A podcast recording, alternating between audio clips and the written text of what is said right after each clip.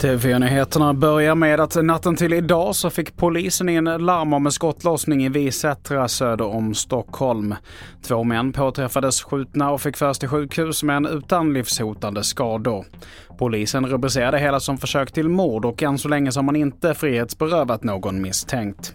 Och vi fortsätter med att allt fler larm om psykisk ohälsa eller självmordsförsök kommer in till polisen. Redan i oktober i år så hade man ryckt ut på fler ärenden än under hela 2021. När det gäller psykisk ohälsa och självmordsförsök så har det ökat och det är högre motsvarande siffra för 2021. Så en stor del av våra uniformerade kollegors arbetsuppgifter går åt att hantera de här frågorna. Det är många människor som mår dåligt ute i vårt samhälle. i oroliga tider.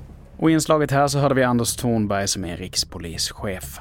Till sist, Elvis Presleys eh, flygplan är till salu och ska säljas på auktion i januari.